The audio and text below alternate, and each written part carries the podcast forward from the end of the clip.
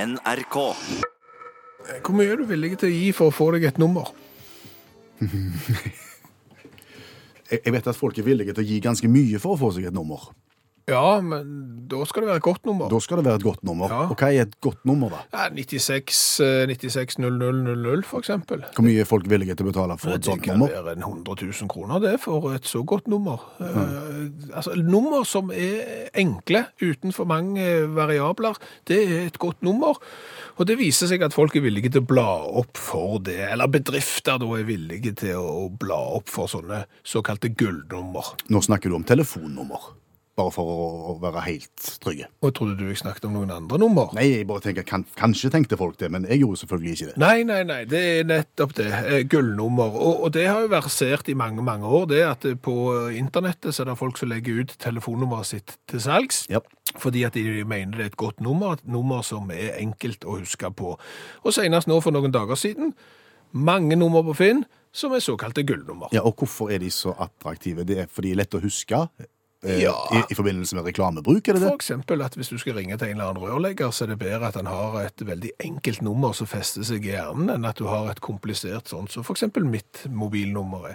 Så du forstår at folk og bedrifter er interessert i å gjøre det, for da vil de tjene mer penger. Ja, men jeg tenker òg at kanskje bedrifter da burde åpne øynene for å så kjøpe telefonnummer som ligner på deres eget. Altså telefonnummer som ligner på sitt Ja, for jeg tenker at eh, hvis du har et telefonnummer som ligner på en bedrift sitt, eh, så er det ganske mange som eh, ringer til deg fordi de rett og slett har testa feil, og da vil jo den bedriften som har det opprinnelige nummeret gå glipp av ganske mye inntekt i og med at det er såpass mange som ringer feil. Det blir svinn, på en måte. Ja, det gjør jo det. Telefonsvinn. Ja. OK, så da skal altså bedriften kjøpe opp deg, og så skal de bruke de numrene nå, da? De kan velge å bruke de, eller så kan de jo bare si at dette er et nummer som ikke er i bruk. Det er jo iallfall bedre, for da er det jo ingen som Da går du ikke glipp av den inntekten, for da vil de jo prøve altså å ringe på nytt. Jeg vet litt om dette. Ja, jeg vet det. Ja, fordi at eh, i, i tida med fasttelefon Nå har jeg ikke det lenger, men når vi hadde det, Mhm. så hadde jeg et telefonnummer som var veldig likt Rogaland Teater sitt. Ja! Så daglig så fikk jeg telefoner fra folk som skulle ha billett, eller hadde spørsmål vedrørende forestillinger. Daglig. Ja, jeg, kan- det er ikke langt ifra daglig. OK. Og eh, jeg geleida det jo da videre og sa det dessverre. og Jeg ble jo lei av å si det, men jeg kunne jo ikke vite om det var folk som skulle ha tak i meg eller teateret, så jeg måtte jo ta den hver gang. Ja, ja, ja. Så jeg gjorde jo det. Ja, nei, men jeg, der, jeg, når- der jeg vokste opp, Ja. det hjemmetelefonnummeret vårt der, det var veldig likt eh, til en tannlege. Å ja. Eh, Så fikk ganske mange henvendelser fra folk som hadde vondt i tennene, og som gjerne skulle ha kommet og så to- trukket en visdomstann, eller tok en rotfylling, eller et eller annet. Men sant, så var jeg jo sånn som deg. At, jeg, beklager, du har dessverre ringt feil, og det er jo lett å forstå, for du har bytta de to siste siffrene, og så geleida du det jo videre, så de da kom seg til tannlegen. Kunne jo strengt tatt ha drevet bitte litt garp, vet du. Eh, ja. Litt tøys. Ja, altså Tok ikke du imot for eksempel bestillinger på, eller satt opp en ekstraforestilling av et eller annet på Rogaland Teater når de først ringte, når du hadde gått lei av å, å snakke med folk? Det, det kunne vært fristende. Jeg Ja. har sagt at ja, på fredag så har vi Da, da, da går den faktisk til halv pris. Ja. Eh, Da kjø- trenger du ikke kjøpe billett på forhånd, da er det bare å henvende seg i døra Ja. og hilse fra Kvinnesland. og så- Nei, det må jeg ikke si. Nei, det må du ikke si! Det, da røper du deg. Ja. Nei, men jeg, jeg satt jo og vurderte en stund om jeg skulle ta imot bestilling på time, f.eks. Til, til, til rotfylling, og da kunne jeg jo satt opp en hel haug med folk på fredag ettermiddag klokka tre. Så plutselig så står det 20 mann i døra der med sånn tannbøller. 'Hallo, jeg har fått time her nå.' Så måtte de jobbe hele helga med det der, og da tenker jeg da hadde de gjerne kjøpt telefonnummeret vårt. Ja, Så kunne vi tjent penger på det. Ja. Jeg tror ikke vi er alene om dette. Nei, eh, og derfor har jeg lagt ut en tråd på Facebook-gruppa til Utakt. Har du et telefonnummer som er veldig likt eh, en bedrift sitt, f.eks., og har fått mange henvendelser av folk som tror at de har kommet i kontakt med noen andre, så er det garantert gode historier der. Så del den med oss. Du trenger ikke dele nummeret ditt, du kan bare dele hvem du er blitt plagt av. holdt Ja, jeg på å det si. kan, det kan du gjøre. Vi foreldre, vi småbarnsforeldre, vi er jo en løgnaktig rase. Ja, Vi er vel egentlig det. Ja, vi er jo det. Gi oss et godt eksempel. Nei, så Vi forteller jo ungene våre f.eks. hvor viktig det er å følge med på skolen, og hvor viktig det er å gjøre skolearbeidet sitt, og hvor viktig det er å kunne å gjøre leksene dine. Hvis du ikke gjør det, så har du ikke den basiskunnskapen som skal til for å få deg en god, greie, kjekke, interessante jobb. Men du har ikke sjans, egentlig, Nei! der framme hvis du ikke du gjør leksene dine skikkelig. Så kommer jo da ungene hjem med lekser, og så sitter de bitte litt fast. De har problemer med leksene, og så spør de oss foreldre om hjelp. Og så kan ikke vi hjelpe. Sjette klasse pensum. Ja, For akkurat dette det har vi glemt ut. Det husker vi ikke hvordan var. Eh, Vi har eh, rett og slett ikke peiling. Vi kan det ikke. Nei. Nei. Da kan vi vel egentlig rett og slett bli avslørt som løgnaktige, hvis, hvis poden vil. Ja, for vi kan jo det. Altså, det. Det vi egentlig sier når vi sier at dette kan jeg ikke, dette får jeg ikke til, dette har jeg glemt ut, jeg husker ikke hvordan det var. Det, vi sitter jo der og beviser egentlig at det ungene da lærer, er unødvendig for å klare seg i den virkelige verden, som jo vi har klart oss i.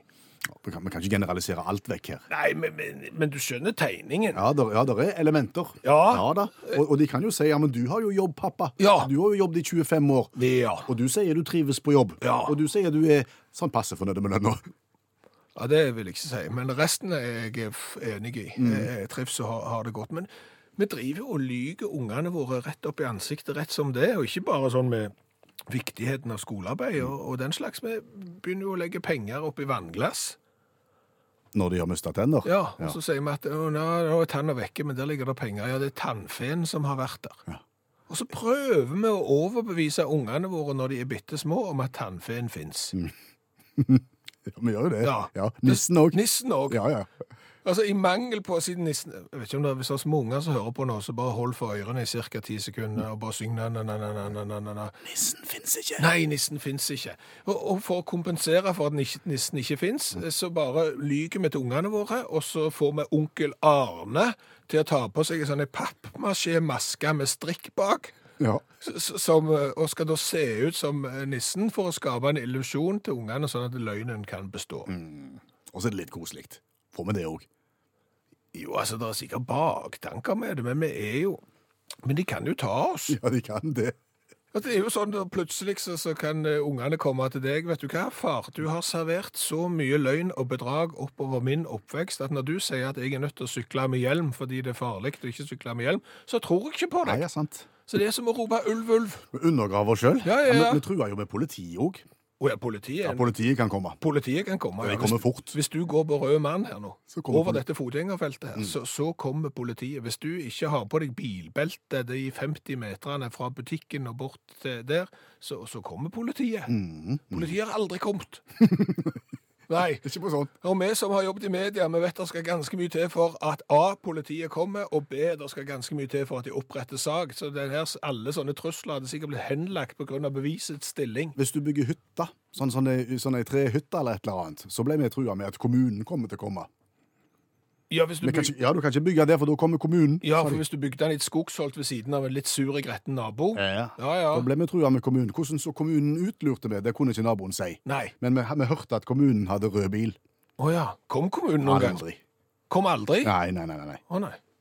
Nei, nei. Han kom til meg. Kom kommunen? Når du hadde... Ja, når jeg hadde bygd gjerde. Men det, det, var- da var jeg voksen. Altså, han, kommunen kom aldri når vi bygde hytta i skogen eller i trær. Eh, Kommunen kom først når du bygde gjerde i voksen alder. Hadde han rød bil? det, det, kan jeg, det har jeg lyst til å høre mer om. Ja, kan fortelle om når kommunen kom. Kan vi vente tre minutter? Ja, ja. Og for litt så snakket vi om eh, da vi var barn og ble trua med at kommunen kom dersom Mm. vi bygde hytter i skogholt og, og nærområder. ja. Det var skumle greier. Men kommunen kom jo aldri, sa jeg. Og så sier du jo, kommunen kom til deg, men det var i voksen alder. Ja, og, og det var ikke eh, når jeg var passert 40 og bygde hytta i skogen, liksom, eller i trær. Det kom når jeg var voksen og bygde gjerde på egen tomt. Da kom kommunen. Ja! Fortell. Nei, altså, det, det som eh, der, der jeg bodde før, eh, så hadde jeg en riksvei som nærmeste nabo. OK. Og, og det er klart, det er jo bitte litt pinlig eh, som foresatt når, når det ringer på døra, og det står mann ut forbi med barn i strømpebuksa, og, og de spør er han din? Ditt barn. Ja. Ja. Det er når pappa skulle stelle hjemme, så hadde jo den eh, ene ungen klart å stå midt på riksveien og sperre den. Og så skjedde dette mer enn én gang. Huff a meg. Og da, og da, og da vokste fram et behov for gjerde. Det kan du trygt si. Eh, og dermed så skulle jeg jo bygge gjerde, og så tenkte jeg la meg nå stikke innom kommunen da, og spørre eh, hva regler er det for bygging av gjerde. Så jeg, da gikk jeg ned og spurte unnskyld meg, hvilke regler er det for bygging av gjerde? Er det viktig at du holder deg under 1,50 meter i høyde? Sa kommunen. Ja, så er det fritt fram. OK. Greit det, så jeg begynte jo å bygge et gjerde på 1,47. Ja, du var det unna. Ja, ja. Og så bygde jeg på gjerdet, og bygde på gjerdet, og og bygde på gjerdet. Det var ganske langt. Eh, og så sto jeg og dette er ikke tull, så sto jeg og spigra det aller, aller, aller siste bordet i gjerdet. Aha. Så kom eh, ungene mine med brev fra postkassen, og da var det kommunen. Å ja, de kom ikke personlig, nei. De kom, Nei. kom per De brev. kom per brev, ja. Eh, de hadde da observert at jeg bygde gjerde, og at jeg ikke hadde byggemeldt det. Nei. Eller, eller gjort sånn som jeg skulle jo gjøre. For det er nemlig sånn at hvis du bygger gjerde, så skal det være under 1,50. I hvert fall i den kommunen. Men bygger du langt nok, eh, så eh, da må det byggemeldes, for da er det levegg. Å å ja. Ja. Og det ble aldri nevnt. Nei. Eller du sa ingenting om at det var tett og sykt langt. Nei, jeg tenkte ikke på det. Dette er jo kunnskap andre burde hatt, så de burde minne meg om det. Men da ble det jo sånn, og dermed så må du jo eh, prøve å få det godkjent i ettertid. Du kan ikke rive det ned. Nei, og da må det byggemeldes, og da må du inn med nabovarsel og Ja. sånn etter, i etterkant. Da må du med- Jeg har bygget dette, her, er det og- greit? Ja, sant. Men da kan du legge med bilder av det òg, så da kan du se hvordan det faktisk ser ut. Så det er jo praktisk. Hva sa naboene da? Eh, De var positivt innstilte, bortsett fra den ene. Å, en kjiping? Nei, eh, fordi at når du da har tomt som grense til riksvei, Ja, så er Statens vegvesen nabo akkurat. på den sida. Så da må Og han du har du hatt lite med å gjøre. Veldig lite. Så da må du ringe 'hallo, eh, er det Statens vegvesen'? Jeg er en mann sant? Og så må du forklare det. Så kommer det da en representant fra Statens vegvesen. Fra naboen? Ja, fra naboen. Ja. Mm. Hun skal se på dette gjerdet, som selvfølgelig ikke var sånn som Statens vegvesen ville at det skulle være. Nei. Nei. Måtte du rive det ned? Ikke alt. Nei. Nei da, jeg måtte lage noen huller i det, sånn at det var mulig å så se igjennom gjerdet hvis du skulle kjøre ut fra en vei som var stengt.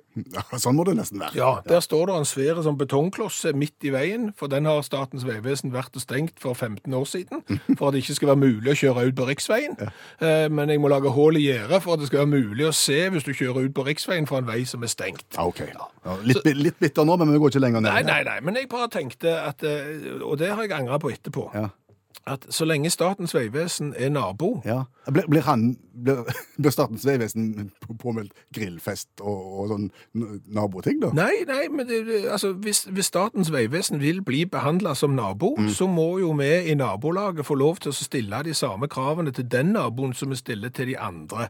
For eksempel, eh, det er jo ikke alt verktøyet jeg har. Nei, nei, nei. Og da kan jeg jo gå til naboen og låne, og så kan han låne av meg. Og tenk på det som Statens vegvesen har. De har jo et arsenal av ting. De har dampveivals. Ja, og når det for eksempel jeg kunne jo leid inn, og det er glatt i oppkjørselen, og så kunne jeg bare ringt til naboen. Du, hallo, det er Skjæveland her. Du vet, naboen din er på riksveien der. Kan du komme med en bil? Og så bare få strødd opp litt, sant? Så kan jeg heller hjelpe deg med noe en annen gang, hvis det trengs. Og, og til Sankt Hans blir det dugnad. Da må naboen være med. Ja.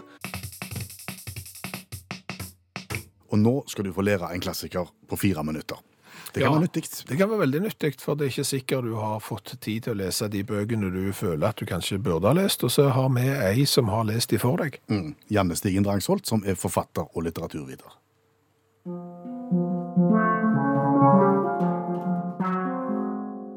Borgermesteren fra 1886 av Thomas Hardy. Michael Henshard havner på fylla og ender opp med å selge dattera og kona si på et landsbymarked. 20 år seinere er han respektert borgermester i byen Casterbridge, helt til kona og dattera plutselig dukker opp. Det må ha vært en alvorlig rangel. Ja, for det, det, det er nettopp det. Det er det som er så gøy med denne boka. For jeg føler liksom at han har drukket i ca. 20 sekunder Å, ja. før han bestemmer seg for dette. Å ja, men da, da har han tenkt på det Ja. lenge. Dette har bare vært dråpen. Unnskyldningen han trengte. Han har gått liksom og tenkt Wife, kids, for sale scarves, T-shirts, wives. 50 kroner! Ja, men ler vi. Ja, det er jo alvorlig. Og det, Men jeg syns det, er så- det er så lite greit, fordi eh, han liksom Han er veldig sånn eh, At det står at kona maste så fælt. Men hun spør jo bare om de kan gå videre. Altså Han står jo der og er veldig lame og drikker. Og så er hun sånn OK, kan vi please gå videre nå? Da er han sånn Jeg skal selge deg. Og så selger han de, begge to, til en sjømann. Og en sjømann som kjøpte de, ja. Mm, han syns dette er tipp topp. Ja. Men så likevel så klarer han å bli borgermester. Ja, for da, han, Men sånn en angrer jo, bagasje? han angrer, og så skikker han seg, da. Oi. Og så liksom bygger han seg opp helt til han blir eh, borgermester i Casterbridge. Så han blir liksom, denne karakteren blir regna som den første antihelten. For han er jo, en sånn, han er jo ikke en sånn episke, fine fyr som ordner opp i folk sine liv, som vi jo skjønner ganske kjapt. Så, så han er liksom den første antihelten i eh, litteraturhistorien. En liten digresjon. Når du holdt opp den boka og viste den til oss, så renner det sand ut og ned på eh, pulten her Ja. i radiostudio. Er det noe- For i denne leste jeg eh, i sin tid på stranda. Eh, og det har tydeligvis Og jeg husker jeg la den veldig ofte fra meg, fordi han, jeg likte den ikke spesielt godt. Så det at det der er liksom Jeg tror det er sand på absolutt alle sidene. Å ja, det er derfor. Ja. Jeg syns det høres spennende ut. Hva er det som skjer nå, eller ko- hvordan reagerer han når eh, kona og datter plutselig dukker opp? Ja, han blir veldig stressa. Ja. Ja, Han går rundt med flosshatt og Ja. er, er borgermester? og så er han liksom sånn eh, Hei, Å ja. for sist. ja vel. Hallo. Det var deg. Ja. Det var Det var kaldt. Og så er han liksom litt sånn eh, Om jeg kan holde det hemmelig at jeg solgte deg for 20 år siden. Og det går hun ikke med på? Men vel? jo, så går hun litt Hun er jo ikke kjip dame, liksom. Eh, men han sjømannen har dødd siden sist, for han var egentlig en veldig fin fyr, da, og hun hadde det veldig godt med han. Men så er det liksom sånn eh, Det er sykt mye som skjer, da. For han har jo òg vært sammen med ei dame på ei, ei annen dame, og så kommer hun, og så liksom eh, blir han stressa for det. Hvem skal jeg være sammen med nå? Det er jo litt sånn Nesten som farse, ja. Ja, det er litt farseaktig. En borgermester ut én dør, og Ja. inn med ei solgte kone og ei kjøpte og ei ny og bare ja. Ja, det er litt sånn, faktisk. Finner de tilbake til hverandre? Eh, nei, han dør. Borgermesteren dør. Mm, han dør. Han, han er jo en kjip fyr. Men det er noen som blir lykkelige. Eh, Dattera eh, blir lykkelig. Hun gifter seg med en fyr fra Skottland som blir den nye borgermesteren. Så dette, det går på en måte bra til slutt, da. Eh, men ikke for han. Altså, pff, det er jo liksom grenser for hvor mye slingringsmonn vi skal gi til han. Han solgte jo tross alt kona og dattera si. Et sitat fra Ja, det har jeg, det har jeg, det har jeg. Lykke var kun en tilfeldig scene i et stort drama av smerte. Jeg føler det litt sånn Kim Larsen. Løken var konen li... Ja. Livet Ja. er langt, lykken er kort, Ja. salig er den der tør give det bort. Ja. Ja, så kom den opp. Jeg kan ikke flystre. Så Kim Larsen han er nok litt inspirert av Thomas Hardy, tipper jeg. Var han med i Guttene, han Thomas Hardy? Kan ikke få noen gutter. Hardy. Eh, Nei. Jeg tror verken Frank eller Joe, men kanskje Så den litt en- ukjente storebroren. Borgermester Thomas Hardy. Nei. Vil du eh, oppsummere borgermesteren på tampen her? Ja, det er vel en advarsel om at eh, hvis du er misfornøyd med kona og ungene dine, så er det ikke lurt å selge dem til, til en sjømann, for du risikerer å få dem tilbake igjen. Ja. Salg er aldri en løsning. Du burde hatt eierskifteforsikring, da, sånn at når kona da kom tilbake igjen, så, så hadde du ditt på det tørre.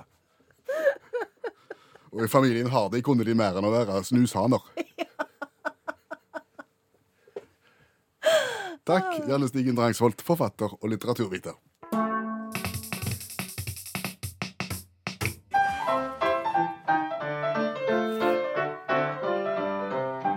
Hvor vi daglig synger ø, dagens revyvise, som bare tar 27 sekunder. dog. Ja, det er fordelen. Det går fort over. Det gjør vondt når det varer, men det går fort over. Eh, Jeg fikk et tips fra Sveinung om en sak han mente vi burde lage revyviser om, og det forstår jeg at han syns. Hva handler det om? Det handler om eh, sikkerhetskontrollen på en flyplass som heter Juno Airport. Da er vi i eh, Canada. Og der fikk de utslag på organisk material Ja vel. eh, gjennom sikkerhetskontrollen. Og så sjekket de da bagen til den som skulle i- igjennom, og så ser de det at det er en stor pose da med bæsj. Bæsj. Ja. Hva skulle han med det? Det, det er elgbæsj, da. Jaha. Eh, Det var suvenir Ja. hevda vedkommende. S- Så de hadde jo ikke noe forbud mot å ta med elgbæsj gjennom sikkerhetskontrollen, så han fikk på en måte få lov å, å fortsette. Men, eh, men sikkerhetsfolka anbefalte å ta kontakt med flyselskapet, for det var ikke sikkert alle flyselskap hadde lyst til at du skulle ta med poser med bæsj om bord i flyet. Men eh, for denne gangen så gikk det. Det har du s- lagt sang om? Nei, jeg klarte ikke helt å, å få ting til å rime på, på bæsj og æsj. Nei vel. Jeg gikk fort litt tomme, ser du, så dermed så måtte jeg lage en sang om eh, meksikansk lunka øl. OK.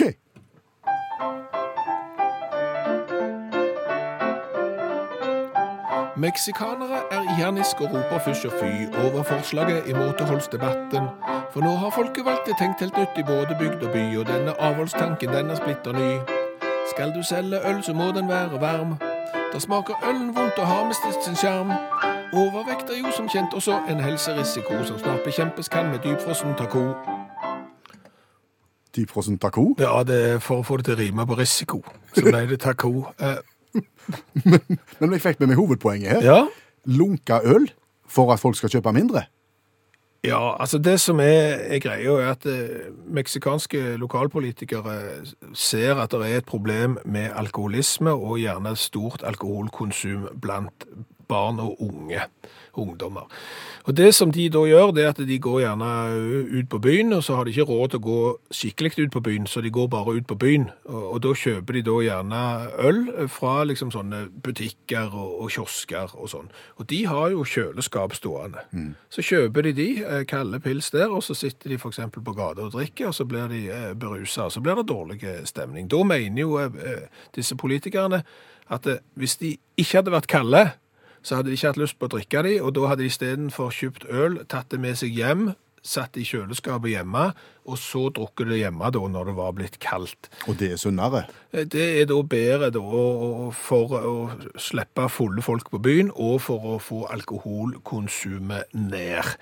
Eh, Så vi skjønner jo tanken, eh, og den er sikkert god, eh, men det har jo blitt enormt dårlig stemning da i, i Mexico. Og, og det er jo da folk som har foreslått det, ja, men fedme er jo kanskje et enda større problem enn alkoholisme i Mexico i dag. Er det nå sånn at du kun skal få lov til å kjøpe dypfrossen taco når du er ute? Eller taco, som du kaller det. Hva har vi lært i dag? Og vi har lært eh, mye. Vi har blant annet lært at tannfeen er i ferd med å digitaliseres. Oi sann. Nå er det ikke lenger snakk om eh, småpenger i eh, tannglass. Sveinung kan fortelle det, at nå er det i den nære familien hans, sånn at tannfeen vipser penger da til poden som har mista tann. Eh, Så har vi jo lært mye om telefonnummer og, og nummer som ligner. Eh, Barbara kan fortelle det at når de enda hadde fasttelefon i Oslo, så var nummeret til borttauingstomta veldig likt dis. Det medførte regelmessige, veldig sinte telefoner, gjerne klokka syv på morgenen på mandagen, for folk som lurte på om de kunne komme og hente bilen sin. Borttauingstomt, altså der som borttaua biler blir plassert? Ja. Akkurat. Eh, Kjersti hadde det sånn at hvis du bytta om de to siste tallene i mobilnummeret hun hadde, så fikk du nummeret til en som hadde ansvaret for å fylle colaautomater. kan du komme, der er tomt! Fikk en del telefoner.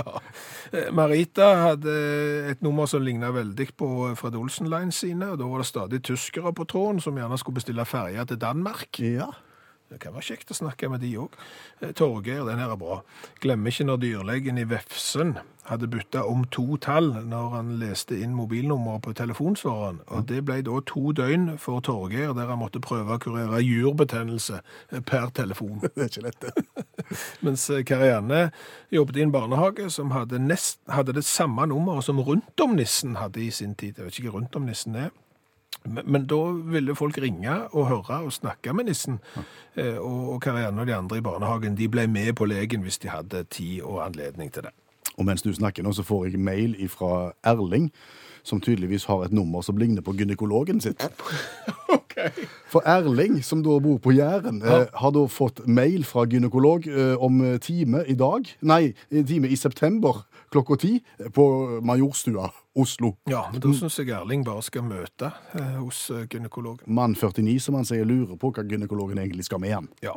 Eh, og så tenker du kanskje at det er gjerne ikke så mange som har eh, fasttelefon, verken bedrifter eller eh, privatpersoner i Norge, men det er det. I 2019 er det 330 000 abonnenter på fasttelefon i Norge. Det er såpass, ja. Ja.